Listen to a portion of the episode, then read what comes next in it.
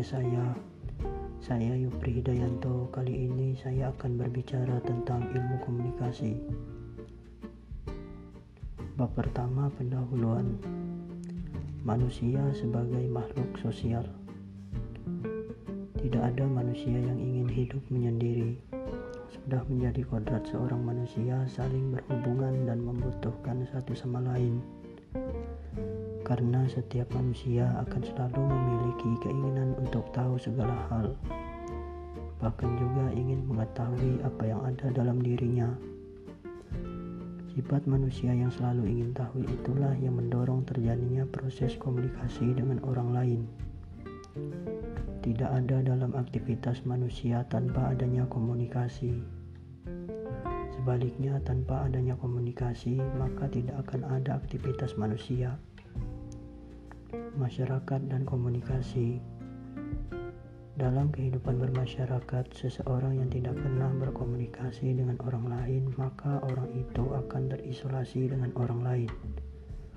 Karena komunikasi adalah syarat dalam kehidupan manusia. Karena tanpa komunikasi, interaksi antar manusia tidak akan terjadi. Komunikasi dapat dilakukan dengan berbagai cara baik secara verbal dalam bentuk kata-kata, tulisan atau lisan maupun secara non-verbal misalnya seperti gestur, sikap, tingkah laku dan bentuk lain yang mengandung arti. Komunikasi juga dapat dilakukan secara langsung maupun tidak langsung. Contohnya berbicara secara tatap muka adalah komunikasi secara langsung. Sedangkan secara tidak langsung misalnya berkomunikasi melalui telepon. Profesor Wilbur Sulman menyatakan bahwa komunikasi dan masyarakat tidak dapat dipisahkan.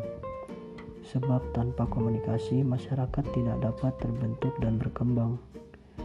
Sebaliknya tanpa adanya masyarakat manusia tidak akan dapat mengembangkan komunikasi.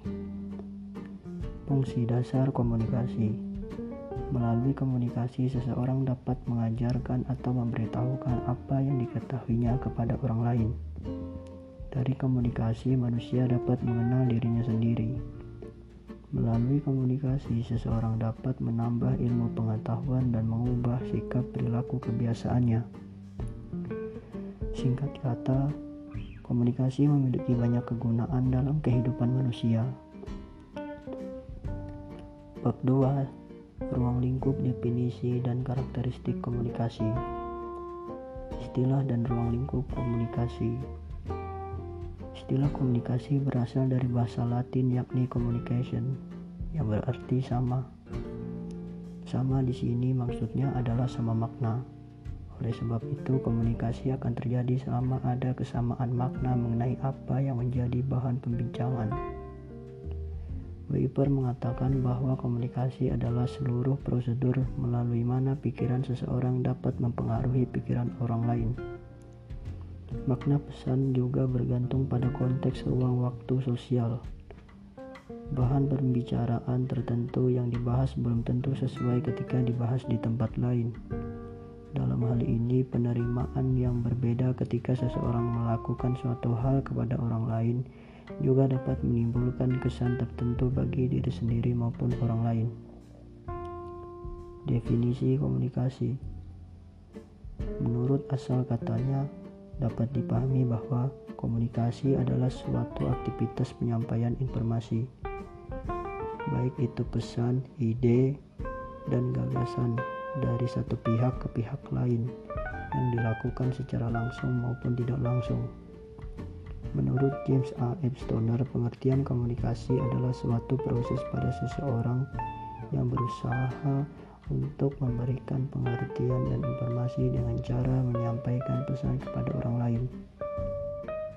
Unsur-unsur komunikasi Komunikasi adalah hubungan kontak antar dan antara individu maupun kelompok dengan tujuan memberikan dan atau menerima informasi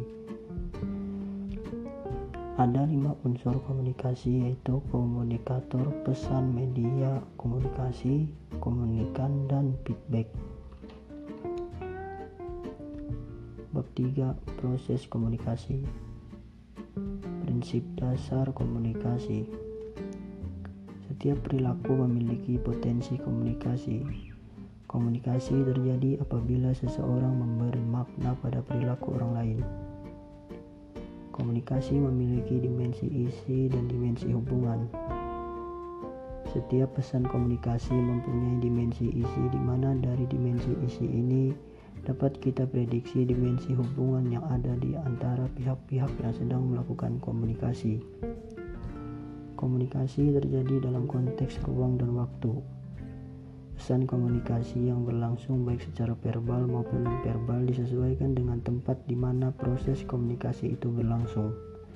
Kepada siapa tujuan pesan dan kapan komunikasi itu berlangsung. Tingkatan proses komunikasi Tingkatan proses komunikasi merujuk pada tingkatan organisasi sosial di mana komunikasi tersebut terjadi pada setiap tingkatan meliputi permasalahan dan teori masing-masing yang digunakan. Beberapa tingkat komunikasi yaitu intrapersonal, intrapribadi, interpersonal, antarpersonal, intragrup dalam kelompok, intergrup, antar kelompok, komunikasi massa. Tujuan dan akibat komunikasi. Tujuan komunikasi dari sudut kepentingan sumber informasi, mendidik, menyenangkan, dan menghibur, menganjurkan suatu tindakan. Tujuan komunikasi dari sudut pandang penerima memahami informasi, mempelajari, menikmati, menerima, atau menolak anjuran. Bab 4 Informasi, pesan, dan makna Pengantar konsep informasi individu ataupun manusia berbeda dalam lingkungan yang berkaitan dengan informasi.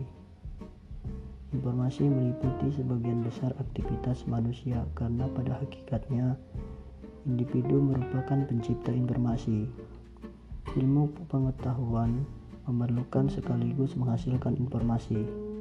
Ketika ilmu pengetahuan semakin berkembang, semakin banyak informasi yang dibutuhkan. Dengan sendirinya, semakin banyak pula informasi yang dihasilkan. Proses ini yang membuat informasi yang tersedia menjadi melimpah. Konsep dan teori informasi banyak yang mengatakan bahwa informasi adalah segala yang kita komunikasikan seperti yang disampaikan oleh seseorang lewat bahasa, lisan, surat kabar, video, dan lain-lain. Ungkapan ini terkandung pengertian bahwa tidak ada informasi kalau tidak ada yang membawanya. Informasi di sini bisa dianggap sebagai pesan atau makna yang terkandung dalam sebuah pesan. Informasi dapat kita definisikan sebagai kumpulan data yang terstruktur yang kita komunikasikan lewat bahasa lisan, surat kabar, video, dan lain sebagainya.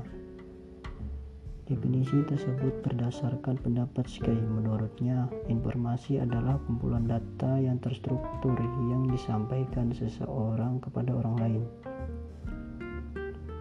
Pesan dan makna antar wadah dan isi. Ada tiga makna dari kata informasi. Pertama adalah informasi sebagai suatu proses, yaitu merujuk pada kegiatan-kegiatan menjadi terinformasi. Makna yang kedua adalah informasi sebagai pengetahuan. Di sini informasi mengacu pada segala kejadian di dunia yang tak terhingga, yang tak dapat disentuh atau sesuatu yang abstrak. Kemudian dapat diartikan secara berbeda antara si pengirim dan si penerima. Informasi dianggap sebagai bagian abstrak dari pikiran manusia sesuai dengan isi dan makna yang pesannya diterima. Makna yang ketiga adalah informasi dianggap sebagai suatu benda atau penyajian yang nyata dari pengetahuan. Masalah bahasa dalam komunikasi. Bahasa merupakan faktor penting dalam komunikasi. Tanpa bahasa, kita tidak dapat berkomunikasi. Dua jenis bahasa yang kita kenal adalah bahasa verbal dan nonverbal. Fungsi bahasa dalam komunikasi adalah untuk menyampaikan pesan. Keterbatasan pemakaian bahasa verbal. Bahasa amat terbatas dalam menggambarkan segala hal realitas. Hal ini disebabkan oleh tiga hal yaitu Pertama, per, bahasa itu statis sedangkan realita itu dinamis. Kedua, bahasa itu terbatas sedangkan realita relatif tidak terbatas. Ketiga, bahasa itu abstrak sedangkan realita sesuatu yang nyata. Agar komunikasi berhasil, empat hal yang perlu dihindari dalam pemakaian bahasa yakni abstraksi kaku. Abstraksi yang tinggi cenderung mengaburkan makna yang sebenarnya misalnya kita tidak pernah mengerti dengan baik apa arti kata demokrasi, nasionalisme, kebijaksanaan, wewenang, atau kekuasaan. Identifikasi yang tidak layak Identifikasi tidak layak umumnya disebabkan oleh kesalahan dalam menempatkan berbagai macam objek ke dalam suatu kategori atau disebut dengan overgeneralization. Penilaian yang hanya menggunakan dua nilai. Penilaian ini biasanya hanya digunakan untuk mencari mudahnya saja dalam mengungkapkan keadaan, mengacaukan kata dengan rujukan, Masalah ini umumnya disebabkan oleh kecenderungan seseorang memakai ukuran menurut penilaiannya sendiri. Sekian podcast saya kali ini. Assalamualaikum warahmatullahi wabarakatuh.